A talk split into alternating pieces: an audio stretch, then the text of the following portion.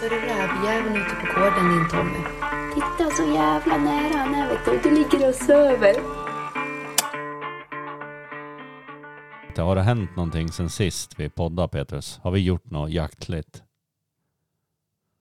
Nej. Har vi inte gjort det? Jo, just det. Var släppt eh, efter lodjur. Ja, du, du hade tagit på dig hus, äh, stilkostymen Ja. var det. Som vart helt till sig kvinnorna på byn tror jag. Ja, exakt. Agda 75 och de andra. Nej men så när vi gick ner där vi skulle hugga ved så hittade vi ett lodjursspår så då fick ju du och Heidi komma och köra på det. Jo. Då hade vi jävligt... Vi, vi körde, försökte på här om veckan också. Eh, då kom vi aldrig ikapp lodjuret riktigt. Men här hade vi tur. Det var ju jävligt färskt spår i alla fall. Ja, legan var väl bara några hundra meter bort. Ja, vi gick och spårade både med, vi tog ju unghundarna, både de syskonen, Brasse och Bella här då och gick och spårade och hittade väl legan efter kanske 200 meter. Och då såg vi direkt på hundarna, Brasse började gnälla lite i kopplet. Jag tänkte vad fan är det nu då? För han är, ja. Och så tänkte jag, eller jag tror att Bella är en bättre spårare på något vis.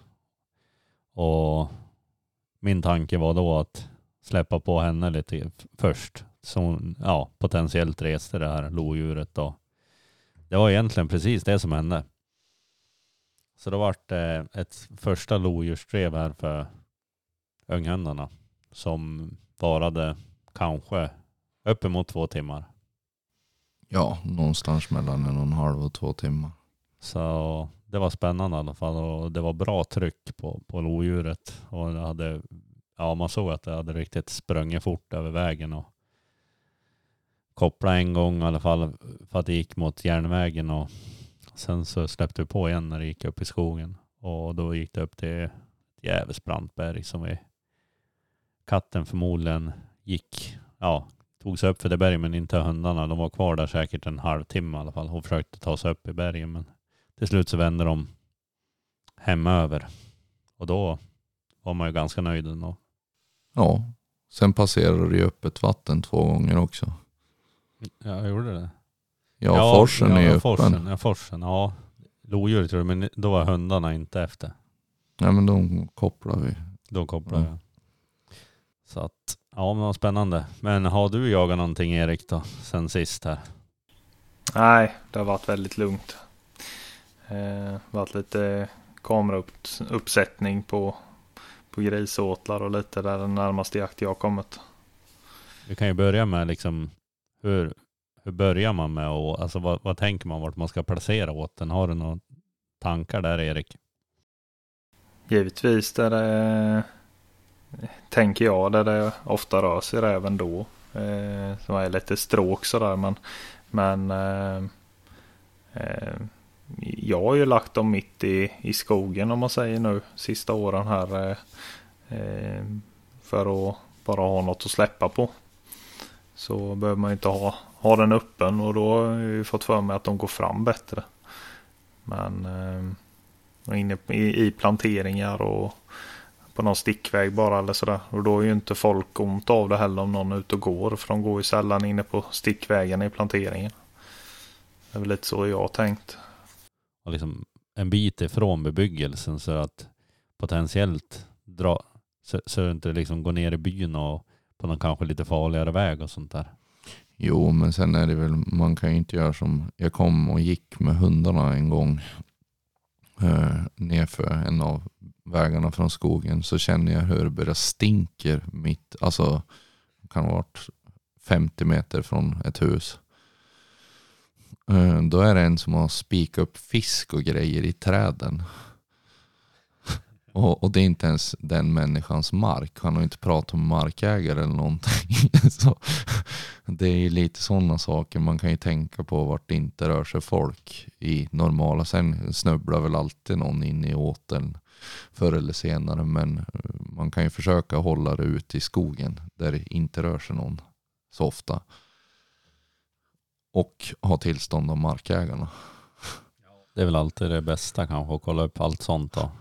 Och fråga markägaren liksom, är det okej om jag har en rävåtel här då? Ja, och då kanske det är okej att du kastar hundkulor och gammalt bröd eller någonting. Men inte fisk och gamla slakt så att det luktar kadaver. Det får man ju ha en dialog om. Något som är ganska bra är ju med om man, eh, om man bara har tillstånd till det. Om det är någon gammal, ja, gammal grusgrop eller ja, om det är okej för markägaren och, och gräva ett hål istället och slänga ner eh, efter älgjakten typ och göra en, en slaktgrop och sen ösa igen det. För det, eh, det är de ju gräver och grejer i sen om man inte lägger på alldeles för tjockt. Och det syns och luktar ju inte på det viset som om man bara slänger det i skogen. Så eh, kan ju vara en smart grej med. Ja, absolut. Det ser inte ut som en kyrkogård sen heller. Då. Nej. Det är ju ett dilemma om man eh, jag har en kompis som har, har åtlat eller ja, slängt ut slaktavfall ifrån grisar och, och, och älgar och sådär mellan två åkrar. Och varje vår så får han ju städa åkrarna. De är ju och eh, rävarna drar ju ut allting, alla benbitar och ja, det ligger allt möjligt runt om på åkrarna där. Så det blir ganska mycket jobb att städa då. Men är det du som har rävåtlar eller vad ska jag säga utfodring där det finns vildsvin? Går vildsvinen också på sådana här ställen eller? Ja, det händer. Det är inte alls ovanligt att de går förbi och, och eh, tar sin smakbit. En lite nyfikna. Och här är det ju bara järv som kommer i stora jävla horder. Och länsa bara. Ja, de är duktiga på det. Jag tror de är fan det bästa. Ja, förutom om en björn kommer då kanske. Men alltså järven, jävlar vad den... Man vill ju inte att den kommer dit tänker jag. Uh, jag som är, jag är inte lika kanske flitig som Petrus är och lägga ut. Och sen så har man nyss lagt ut en jävla sko med ja, men älgslakt och grejer. Och sen ser man, ja då kommer järven dit. Det, det är ju en dag så är det borta i stort sett liksom. Är de så effektiva? Jo, de kan ju liksom gå, alltså du har dem där liksom timvis. Så de kom, går dit, så är de borta en timme, så, så kommer de tillbaks och så försvinner de en timme, två, så kommer de tillbaks. Ja, jag vet, inte, de, jag vet inte, de kanske inte är lika rädd som en typ en räv. En räv kan ändå vara lite fan vaksam på vad fan är det här? Kanske första gången. Sen så dröjer någon dag och sen kommer man dit igen lite grann så och ta, ta sig något. Men järven direkt när han hittar det, då liksom är det full punch direkt bara. De känner sig hemma omedelbart och eh, slår sig ner vid matbordet bara. Ja, exakt.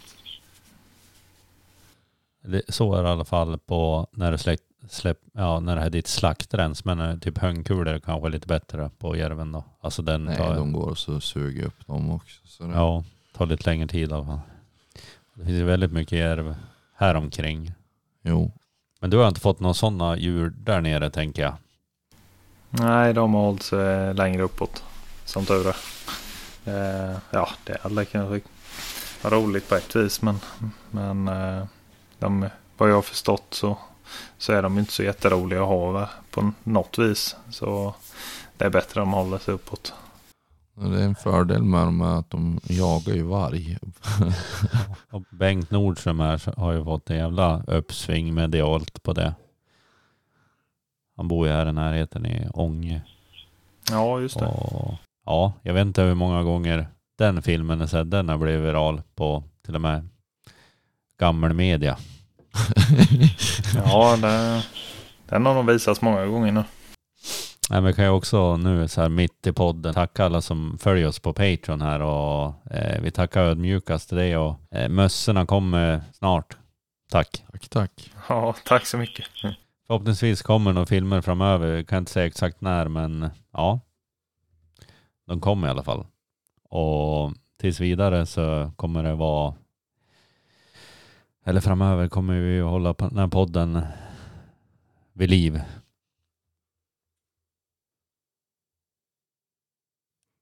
Då Ja. nu dog alla. Radiotystnad. Så vi håller Jag ska- vid liv. ja, precis. Ja, Men alla dog av hjärtstillestånd. Ska du säga något om utlottningen på? Ja, vi har ju liksom fått en ny samarbetspartner här och vi har fått en kamera att lotta ut till er. En Alpha 4G Trail Cloud Camera. Håll utkik på Instagram för där kommer en tävling på en sån här Hunter-kamera. För er på Patreon kommer också en tävling när vi når, ska vi säga 100 stycken Patrons kommer vi dela ut den där. Så det är ju liksom lite större chans att vinna där kanske, jag vet inte. Ja, absolut. Rent procentuellt så bör det ju vara ganska mycket större chans. Precis, det kommer finnas mer utlottningar av lite andra grejer där också.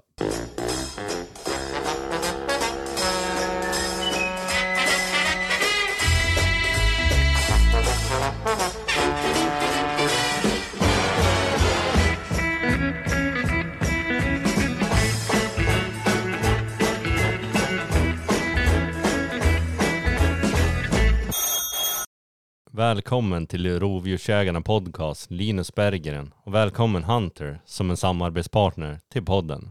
Tack så mycket. Idag tänkte vara lite ett specialavsnitt om ja, åtel och hur vi tänker om det. Och det passar ju ganska bra då att presentera Hunter som en samarbetspartner. För vi använder ju era kameror i några år nu har vi gjort. Och, men vi kan ju lite grann börja från början tänkte jag säga. Och vad är Hunter och hur länge har det funnits?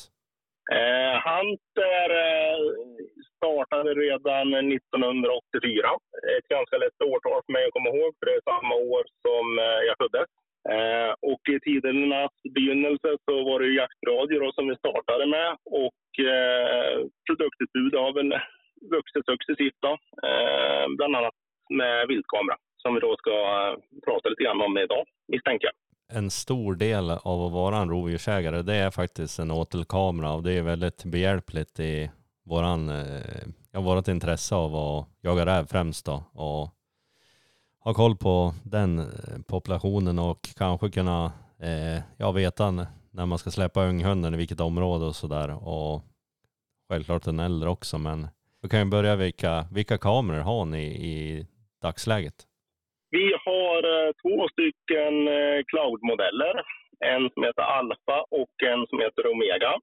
Och sen så har vi tre stycken eh, traditionella kameror som skickar MMS eller e-mail. Och sen så har vi en kamera då, som man får vittja SD-kortet. den sänder alltså inte bilderna utan man får ta SD-kort och sätta i, i sin dator. Det är de här alfa-modellerna eller cloud-modellerna både jag och Petrus har flera stycken av och eh, vi tycker att de är driftsäkra kameror och man, eh, det är inte, alltså man får ju bilden och det är det viktigaste för oss och sen så är självklart är det roligt också att de är av, eh, ja, bra kvalitet också. Eh, hur, vad är det som skiljer de här kamerorna åt egentligen? Mm, du tänkte på cloud-modellerna nu, Alfa och Omega alltså? Ja, precis det är det att alfa är lillebror till omega brukar jag säga. Eh, omegan den eh, kan sända 10 sekunders video, vilket eh, alfan inte kan göra. Eh, alfan sänder enbart eh, bilder. Sen så har även omegan en eh, GPS inbyggd i sig. Och den fungerar på det sättet att eh, när man sätter upp den i skogen så kan man i appen, det är ingenting man ser ifall man äger en, en Alfa då, utan det här är bara någonting man ser i appen ifall man äger en Omega. Så kan man slå på eh, den här GPSen och då vet Omegan att här bor jag. Och skulle någon då knycka kameran och förflytta den längre än en kilometer från sitt hemmaområde så kommer den att varna ägaren då, i appen eh, vart han befinner sig. Man ser alltså på en Google Earth-karta eh, vart kameran befinner sig. Det är det stora. Eh, förutom det så har Omegan en fotovinkel på 100 grader och eh, Alfan en eh, fotovinkel på 60 grader. Så du får lite bredare spann på bilderna på Omegan kontra Alfan. Det, det, det, är väl tycke och smak eh, i det stora hela hur man vill ha det. Eh, använder man kamera typ på en vildstig så är 100 grader ganska tacksamt. Eh, för att få en betydligt bredare bild och en, eh, även själva piren då. Som, eh, det är den som detekterar liksom rörelse och värme. Den följer fotovinkeln så det blir lite bredare då, kontra alfan. Men ska man sätta på en saltsten då tycker jag att eh, 60 grader funkar jätte, jättebra. Så det, det, det är skillnaden på de två modellerna. Det, när du har liksom bestämt dig vilken modell du ska ha och du får hem den här kameran, eh, vad gör du sen för att få din första bild här då? Man laddar hem en app som heter Hunter Can, eh, där man då får skapa ett eh, inloggningsnamn eh, med sin e-postadress. Man har gjort det så scannar man en QR-kod i kamerans display. Eh, och på det sättet då så länkar man samman kameran med sin mobiltelefon så de hänger ihop.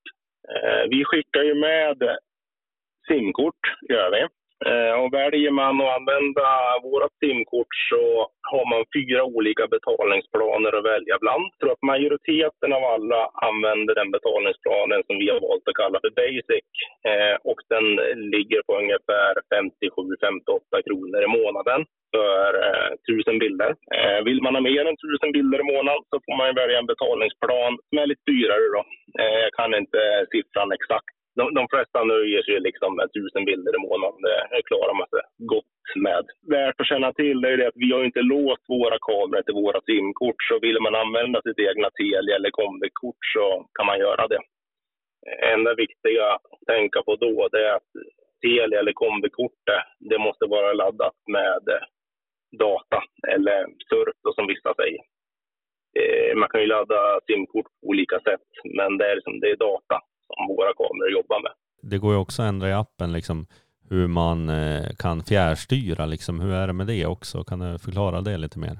Fjärrstyrningen i appen här, när vi kollar på fjärrstyrning, så har du ju någonting som heter direkt på. Då ligger kameran uppkopplad hela tiden och väntar kommandon från din mobiltelefon. Eh, till exempel om du vill begära en bild från kameran Eh, så måste ju kameran vara uppkopplad mot telefonnätet hela tiden för att kunna ta emot kommandon från dig. Men det blir på bekostnad av batteritiden på kameran. Har man fjärrstyrningen på på direkt så eh, förbrukar kameran väldigt mycket batterier.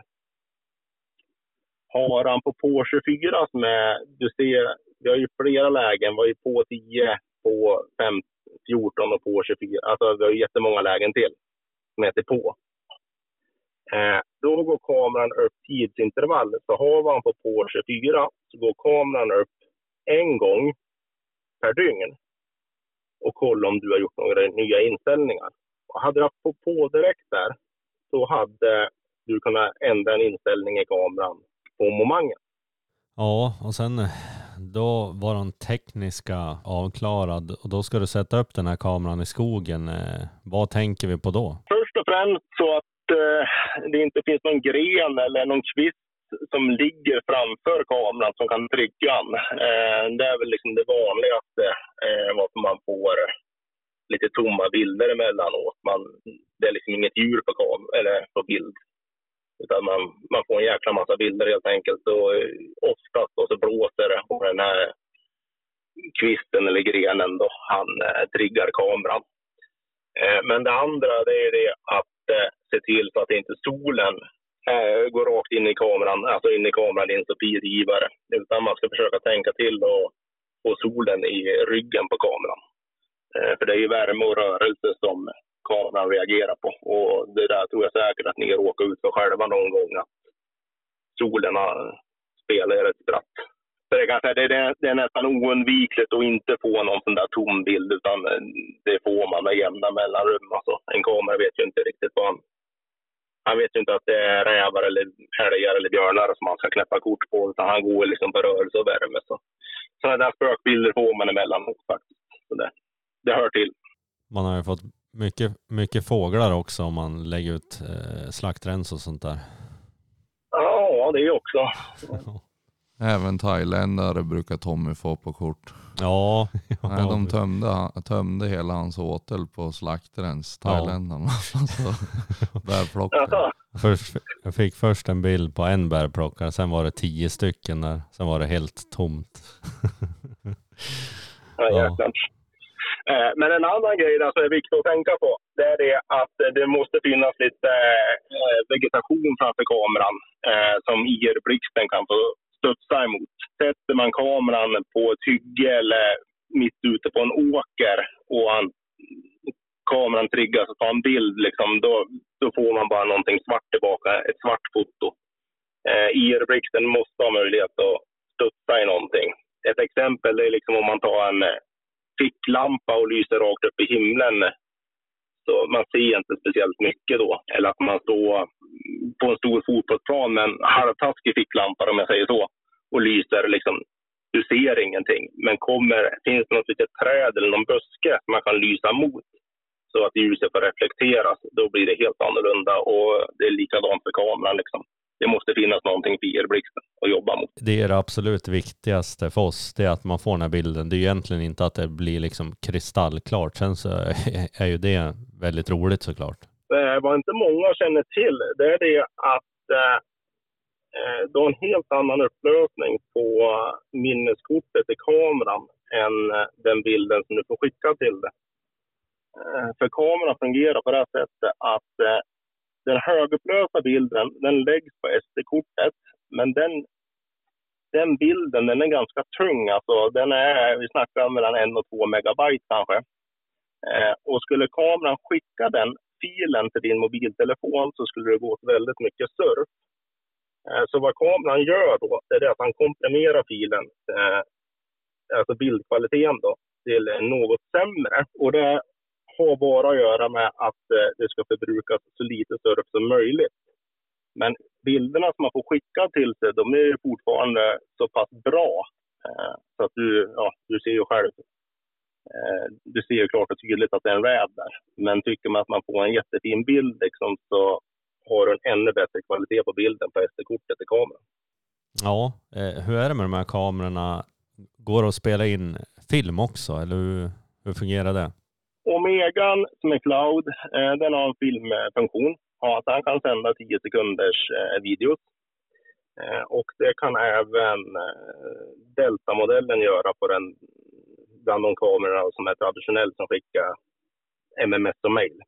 Man kan bara sända film via, via mail, inte MMS, utan den får man på sin mail.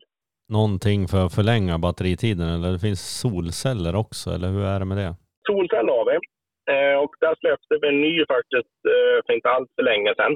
Och i den här solcellen så har vi ett eh, inbyggt batteripack på en 8000 milliampere. Och det följer med en väggadapter i kartongen när man köper den här solcellspanelen. Så vad man gör det är det att man laddar upp det här batteripacket i solcellspanelen hemma.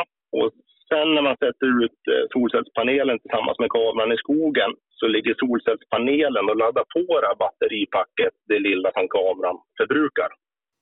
Ja, det är ett bra tips från Petrus i alla fall, för han har ju eh, den här första versionen och han är ju nöjd över den också. Så att den modellen här som Peter sa, den är på 1500 mAh då. Och, och, den som finns idag, den är på 8000. Så det är en rejäl facelift på de här faktiskt. För, för att klara då, en längre stund med sämre väder, eh, som det kan vara där i oktober, november. För då kan det ju regna liksom och vara mulet i en och en halv, två veckor om man har otur då. Så då, då krävs det att det finns ett bra batteripack i grunden jag har först upplevt att det har blivit problem i december, januari när det blir helt kolsvart. Att de drar ur.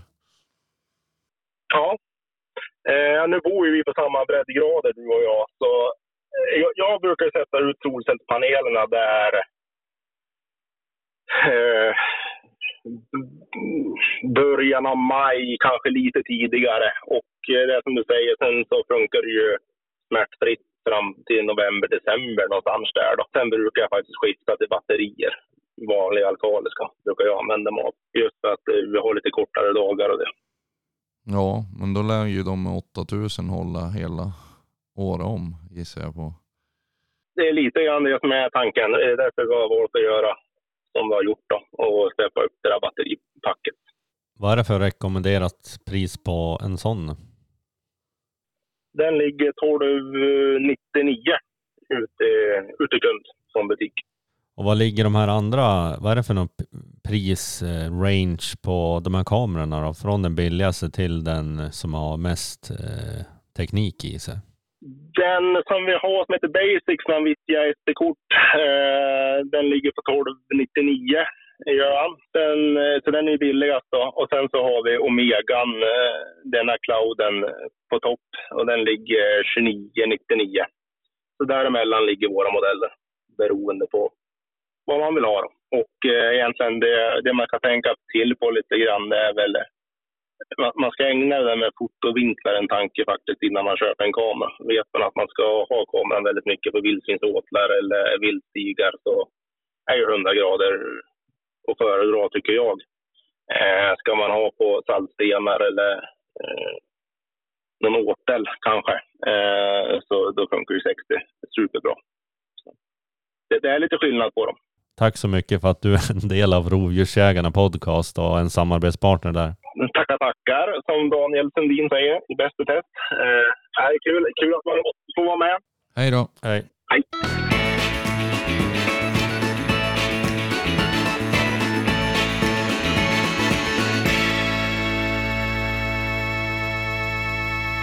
Men för att återgå till det här rävåtlarna, eller liksom när blir en rävåtel en björnåtel då?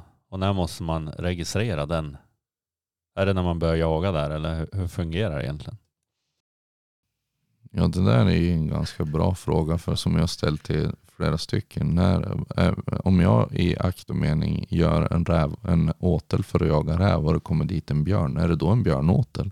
Vad, vad tror du Erik? Ja, jag har ju hört, jag har ju hört en del resonemang om det där när man har varit uppåt. Och, eh, men jag kommer inte ihåg vad vi har kommit fram till riktigt. Men eh, det är ju alltså, ja, det är jävligt känsligt det där. Är det en rävåtel och det råkar vara en björn där och man får en bild på den så får du inte åka och släppa det.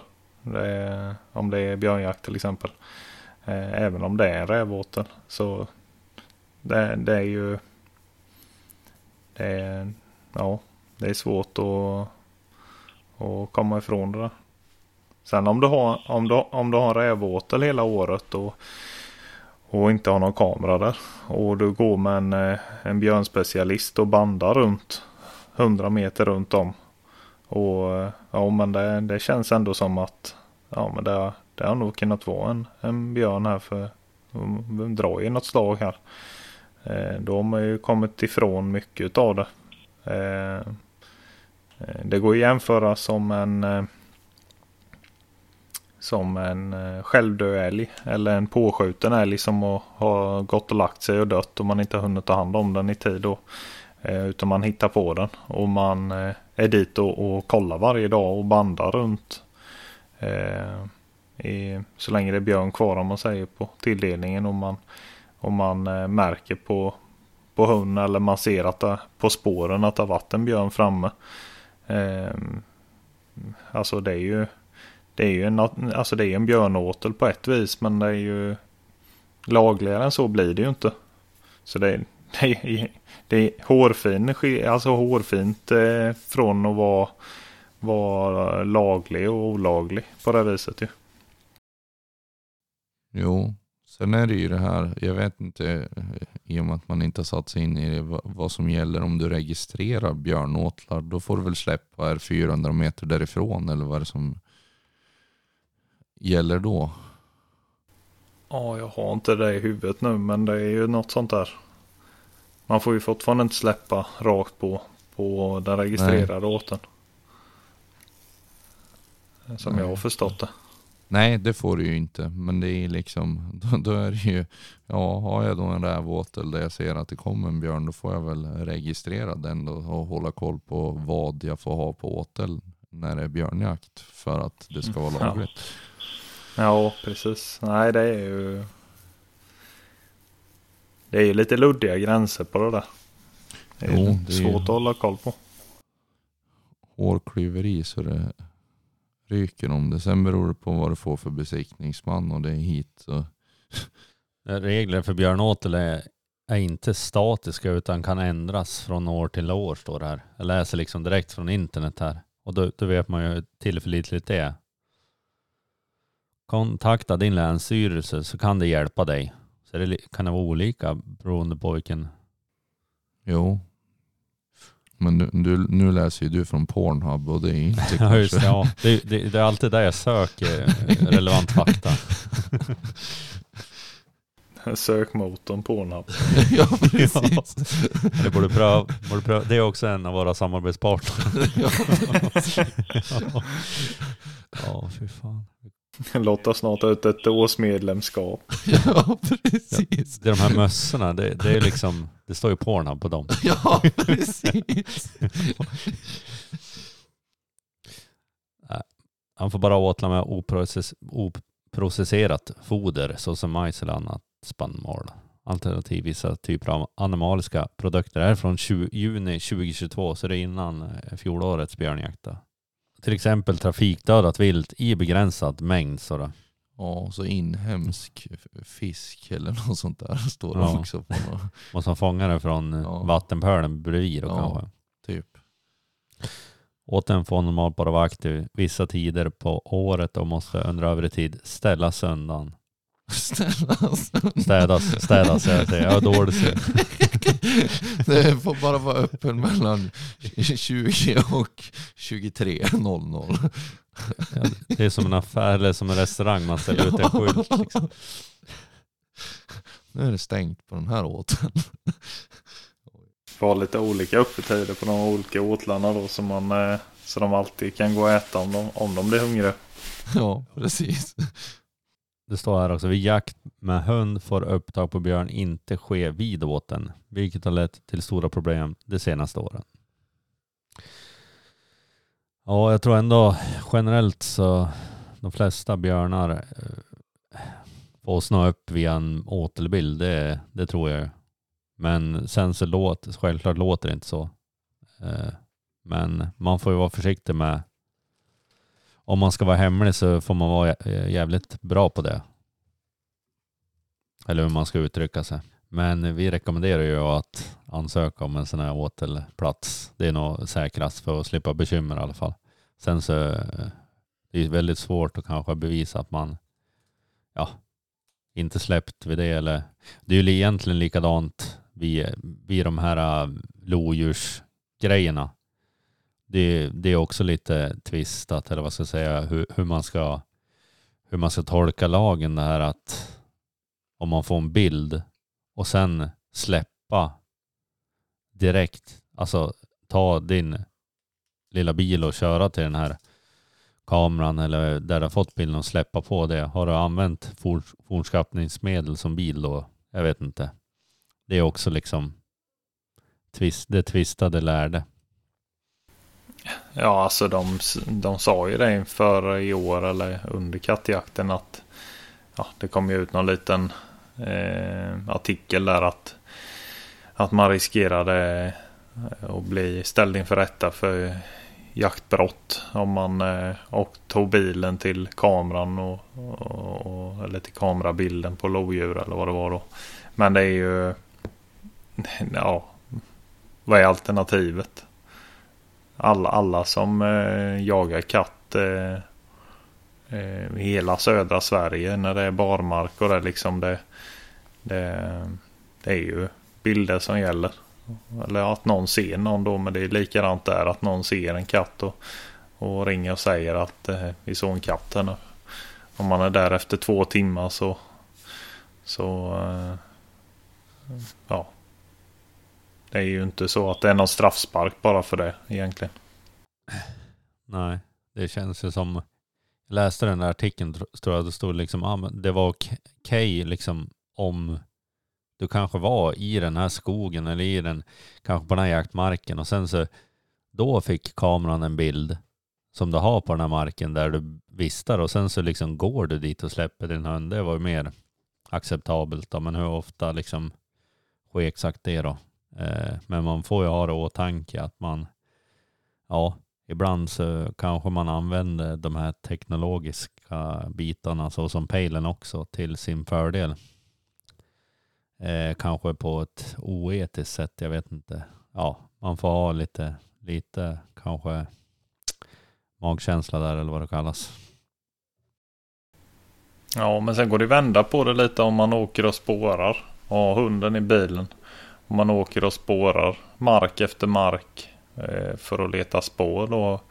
Eh, måste man åka hem och parkera bilen och gå tillbaka med hunden då och släppa på spåret när man har hittat det. Nej, då får inte, du- då får inte du släppa för då har du använt dig av motorfordon för att hitta spåret. Så då måste någon annan släppa. Hej, jag har hittat ett spår här. Nu Ja. får kom hit med din Kan hund. kan du få gå ifrån grannbyn. Ja men det blir ju lite, alltså ska man börja och hårdra det så eh, det, det funkar ju inte att jaga då längre.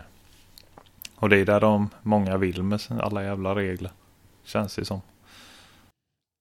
Samtidigt bestäms det bestäms ju någonstans att det ska skjutas så här många för viltförvaltningen att det ska finnas ett uttag på så här många djur. Liksom. Då, då kan det ju inte finnas sådana här re- reglement som liksom ja, egentligen omöjliggör det uttaget. Liksom. Nej precis.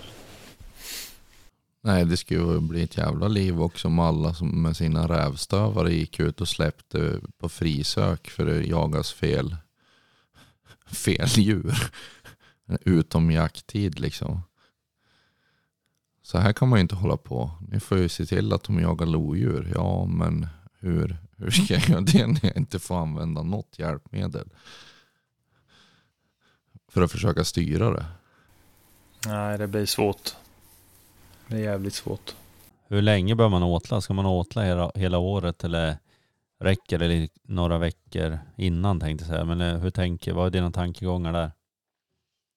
Ja, men det bästa är nog att hålla igång åten hela året. Eh, jag vet några stycken som har eh, kört den modellen.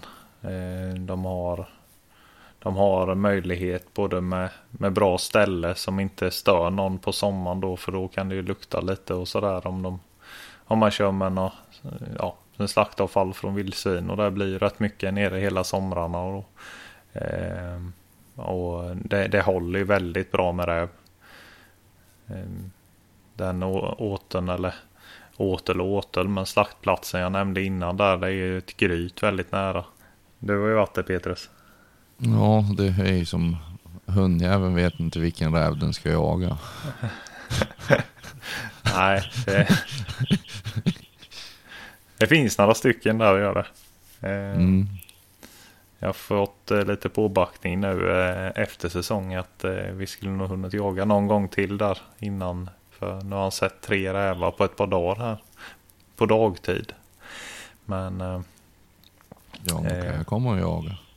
Ja, Angående att vi har tagit för litet urtag. Det är också den här fjällräven har varit nu och tagit hela jävla ky- kycklinggården åt grannen. så Ja, säger jag det- det att det var ju synd eh, för den är fridlyst. Så. Ja. ja. Ja, det var lite sjukt. Så. Ja, det var inga eh, kaniner kvar och så, ja, ja det var. Men jag sa jävlar om det skjuter den där på, på vak, då jävlar. Ja. ja, det är klart. De lever farligt rävarna när de är framme kring husen och, och norpa höns och, och grejer. Och kaniner. Ja, och det sjukaste här uppe det är det att det är två läger. Vissa de ska inte ha någon räv alls medan andra de ska jävlar i mig ha dem inne i farstun. Jo. De är sinnessjuka här. Ja, man kan bli mordhotad om man jagar räv på serie. Ja, exakt. Ja, det är på ett ställe bara. Det är två på samma ställe. Ja, ja det var roligt. Men vi har ju inspelat på kameran då när, när de säger att det var okej, så att det var ju tur det. Nej, det, det är ju delade meningar.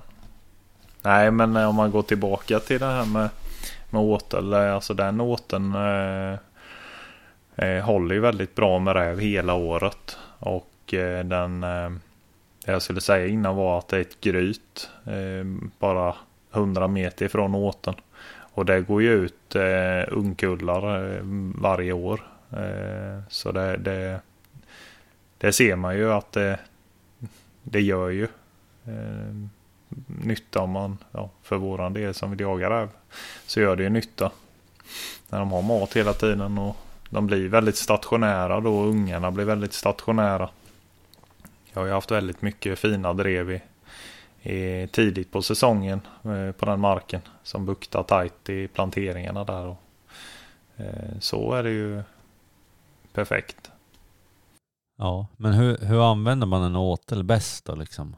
Jag tänker hur släpper man och eh, liksom jaga, jaga in kanske en ung hund och hur använder man åteln? Ja, jag nämnde väl det i, i introduktionspodden där. Eh, men det var ju, det är ju inte släppa för ofta.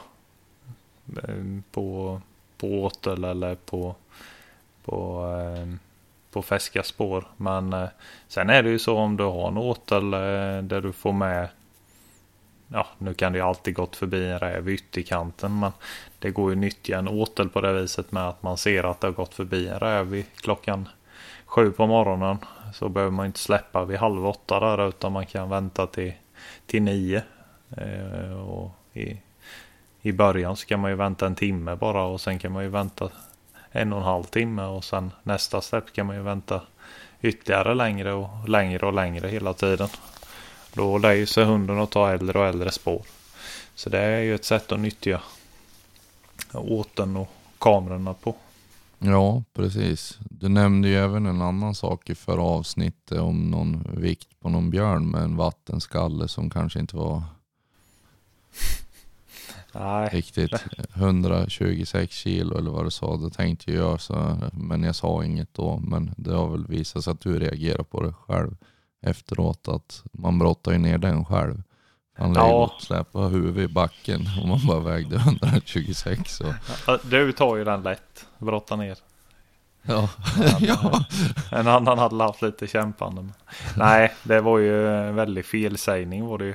Eh, jag blev.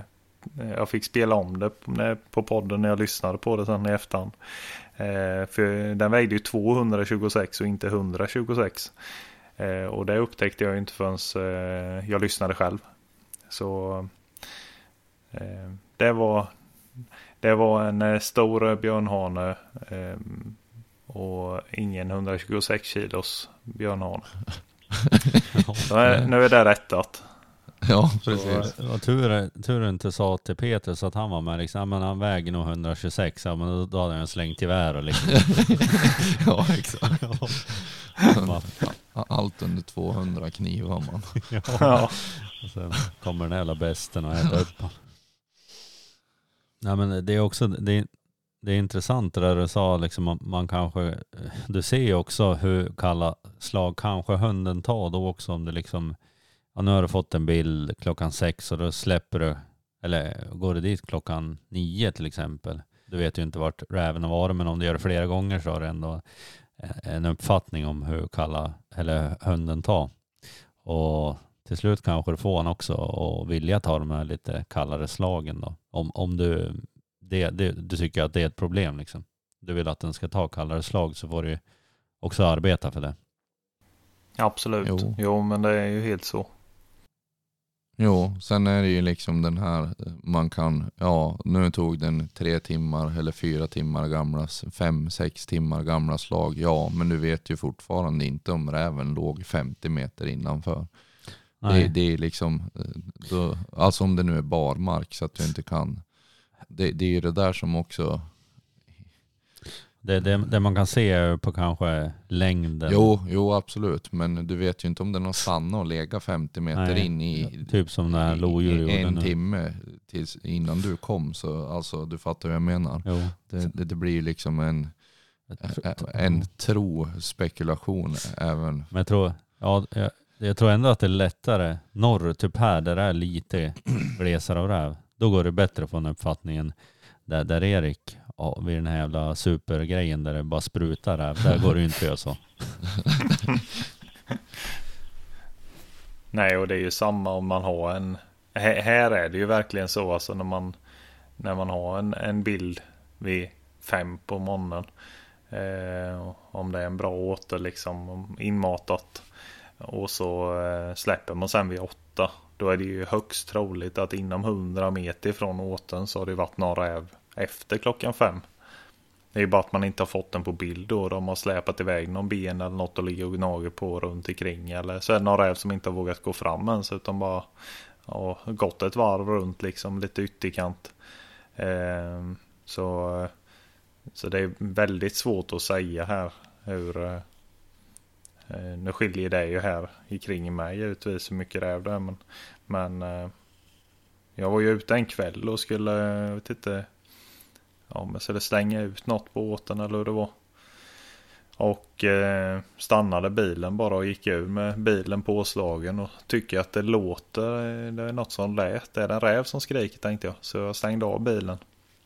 Då hade jag tre rävar runt mig som skrek. Eh, den närmaste var inne på, ja, inom 100 meter i alla fall. Och sen var det, var det åt två olika andra håll då som, som det skrek. Det var ju mitt i parningen och då. Så eh, var ju vi ja, på kvällen då någon gång när det hade mörknat. Men eh, ser man ju vad det är det springer runt hemma.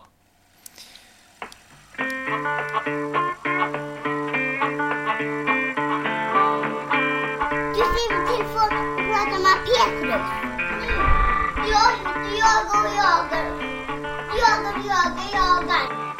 Med dina kompisar.